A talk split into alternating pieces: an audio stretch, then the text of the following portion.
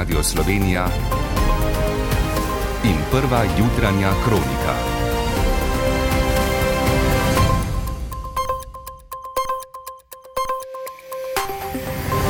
Ura je 5 in 30 minut. Dobro jutro. Včerajšnji koalicijski vrh je postregel z analizo stanja slovenskega zdravstva, ki je po besedah premijeja Roberta Goloba slabše od pričakovanj. Ključni del reforme bo preoblikovanje Zavoda za zdravstveno zavarovanje, ki ga v koaliciji vidijo kot jedro problema. Brez tega reforma ne more niti uspeti, niti je ne moremo v resnici začeti. Danes naj bi bila pripravljena tudi konkretna časovnica zakonodajnih in izvedbenih ukrepov na področju zdravstva do leta 2025. Več po drugih podarkih odaje. Guterres v Davosu naš svet je na številnih področjih zajel popoln vihar. Novozelandska premijejka Jacinda Ardern napovedala svoj odstop. Odločitev trboveljske občine o podelitvi koncesije za odvoz odpadkov v družbi Simbio nezakonita. Oblačno bo v notranjosti, bo tudi občasno snežilo.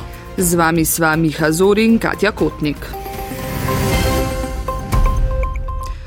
Po včerajšnji celodnevni razpravi o stanju v zdravstvu je vladajoča trojka po koalicijskem vrhu na Brdu pri Kranju kot rečeno ugotovila, da je stanje v zdravstvu slabše, kot si kdorkoli lahko misli. Danes bodo pripravili konkretno časovnico zakonodajnih in izvedbenih ukrepov do leta 2025 ter podpisali izjavo o sodelovanju pri pripravi zdravstvene reforme. Jutri pa bo ministr za zdravje Daniel Bešič Loredan o razmerah v zdravstvu seznanil tudi javnost. Podrobneje Nataša Mulec. Težave v zdravstvu so večje, kot so pričakovali v strankah koalicije ali kot se je izrazil premijer Robert Golob, večje, kot bi si kdorkoli v državi mislil. Premijer Golob, ki je pod svoje okrilje vzel koordinacijo reforme, pa tudi nov strateški svet pod vodstvom Amerika Breclja, je napovedal takošno reorganizacijo Zavoda za zdravstveno zavarovanje. Visoko na lestvici takošnih ukrepov je tudi digitalizacija, ki bi v zdravstvu spostavila red. Naš namen je, da po estonskem in finskem modelu postane poslovanje zdravstvene zavarovalnice javno. V prihodnih mesecih se nameravajo lotiti bolniških odsotnosti, plač in družinske medicine.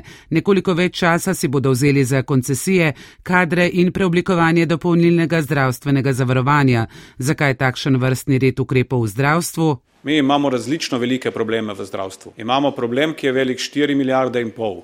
In to je osnovno zdravstveno zavarovanje. Imamo problem absentizma, ki je vreden 700 milijonov. Imamo problem dobičkov zdravstvenih zavarovalnic, ki je velik 60 milijonov. Vsak dober gospodar se najprej loti velikega problema. Preostalih reform na področju plač v javnem sektorju, pokojnin, šolskega sistema in davkov se bo koalicija lotila na vrhu čez dva tedna. Ustavno sodišče bo imelo danes v novič na mizi pobudo za oceno ustavnosti novele zakona o RTV. Končne odločitve še ni pričakovati. Pobudniki s prvo podpisanim predsednikom do zdajšnjega programskega sveta RTV Petrom Gregorčičem trdijo, da jim bodo z izvajanjem zakona nastale nepopravljive posledice. Vlada in državni zbor pa sta prepričana, da je predlog za začasno zadržanje zakona neutemeljen. Nadaljujemo na tujem. Danes bo prisegel novi nemški obrambni minister Boris Pistorius in se v Bundestagu udeležil razprave o pozivih za dobavo nemških tankov v Ukrajini. Pred jutrišnjim srečanjem ukrajinske obrambne kontaktne skupine, ki koordinira pošiljanje orožja Kijevu, se bo srečal tudi z ameriškim obrambnim ministrom Lloydom Austinom. Novozelandska premijejka Jacinda Ardern pa je medtem napovedala, da bo prihodnji mesec odstopila z položaja. Ob tem je potrdila, da bodo volitve 14. oktobra, sama pa se za vnovično izvolitev ne bo potegovala. Kot je pojasnila, je šest zahtevnih let na položaju terjalo svoj davek. Izpostavila je, da je državo vodila skozi pandemijo COVID-19, recesijo, ki je sledila, streljanje v mošeji v Krajščrču in na to še izbruh vulkana na Belem otoku. V Davosu se bo danes nadaljeval svetovni gospodarski forum.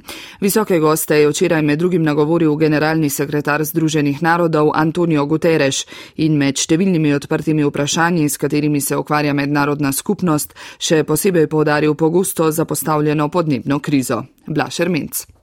Evropo pa tudi v svet pretresajo vojna v Ukrajini ter z njo povezani prehranska in energetska kriza, pa svetovna recesija, posledice pandemije COVID-19 in še bi lahko naštevali. Kljub temu pa je za naš planet najusodnejša podnebna kriza, je na Davoškem forumu povdaril prvi mož Združenih narodov Antonijo Guterres. Spogledujemo se s podnebno katastrofo, vsak teden prinaša nove podnebne grozljivke. Zaveza o omejitvi svetovne temperature na največ stopinjo in pol je skoraj da pozabljena. Brez nadaljnega ukrepanja se bližamo povišanju temperature za 2,8 stopinje. Nekaj najostrejših besed je Guterres namenil industriji fosilnih goriv. Med drugim je komentiral nedavno objavljeno znanstveno študijo, da je ena največjih svetovnih naftnih družb ExxonMobil že v 70 letih minulega stoletja natančno napovedala, kako bo sežiganje fosilnih goriv vplivalo na dvig globalnih temperatur, pa vendar so te ugotovitve zadržali zase, javno pa zanikali povezavo. V Parizu so za danes napovedani protesti sindikatov proti načrtovani pokojninski reformi. Francoska vlada želi namreč postopoma dvigniti upokojitveno starost z 62 na 64 let. Zaradi stavke so napovedane motnje v železniškem in letalskem prometu, moten bo tudi pouk v šolah. Prva jutranja kronika.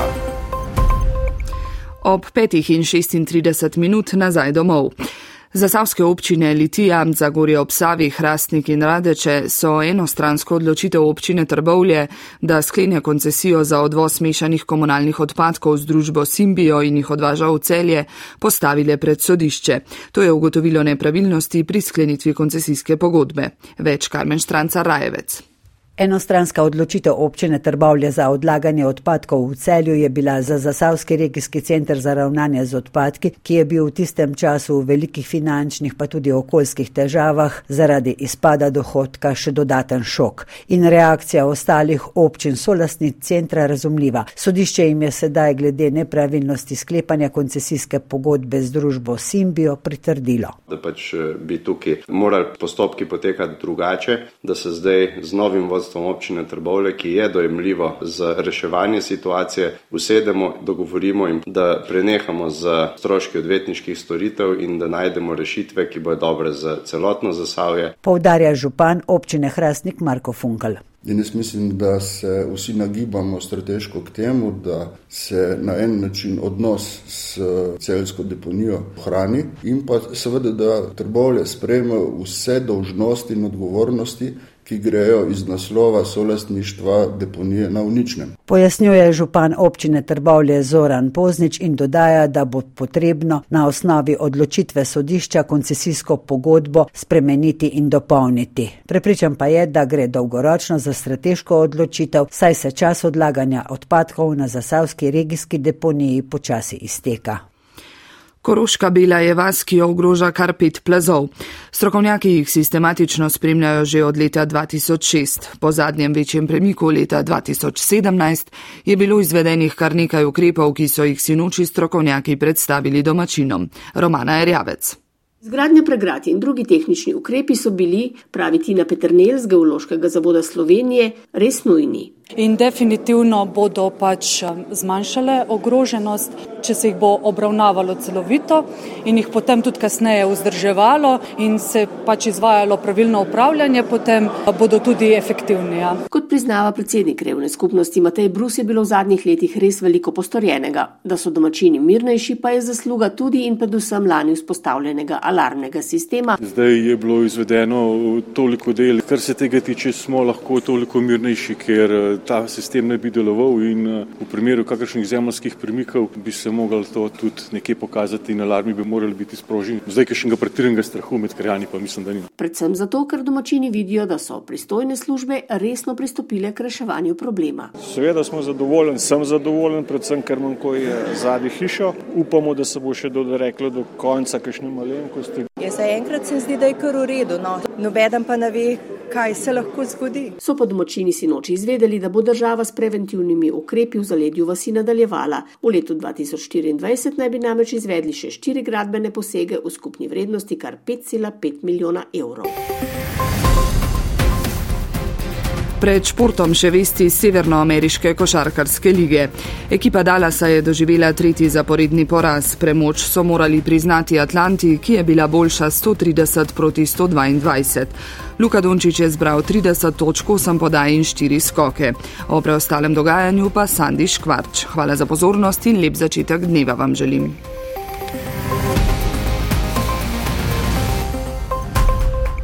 Na svetovnem rokometnem prvenstvu na Polskem in Švedskem se je začel glavni del. Slovenija ga je v Krakovu odprla z visokih 38-21 proti Iranu.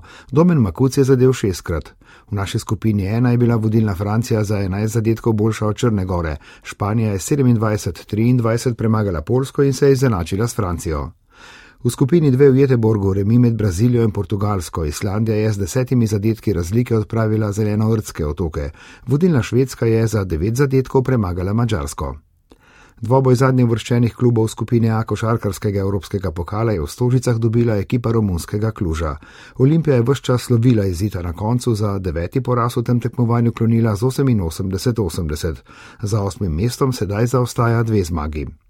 Teniška igralka Kaja Juvan je bila v drugem krogu odprtega prvenstva Avstralije v Melbournu neuspešna v dvoboju zmagovalko lanskega Wimbledona, kazahstanko Jeleno Ribakino, ki je slavila 6 proti 2 in 6 proti 1. Od slovenk na turnirju ostaja Tamara Zidenšek, ki bo nastopila še v konkurenci dvojic. Kamniški odbojkari so na svoji sedmi tekmi Srednje Evropske lige zabeležili drugi poraz. V sklopu četrtega turnirja lige so morali v Oseku priznati premoč slovaški ekipi iz Komarna, ki je dobila vse tri nize. Mariborske odbojkarice so tekmovanje v pokalu Evropske zveze končale v osmini finala. Po nič proti tri na prvi tekmi v Mariboru je bila ekipa iz Lombardije Busto Arsizio s tri proti nič boljša tudi na domačem parketu. Poslušali ste prvo jutranjo kroniko, voditeljica Katja Kotnik, napovedovalec Miha Zor, tonski mojster Matjaš Polak.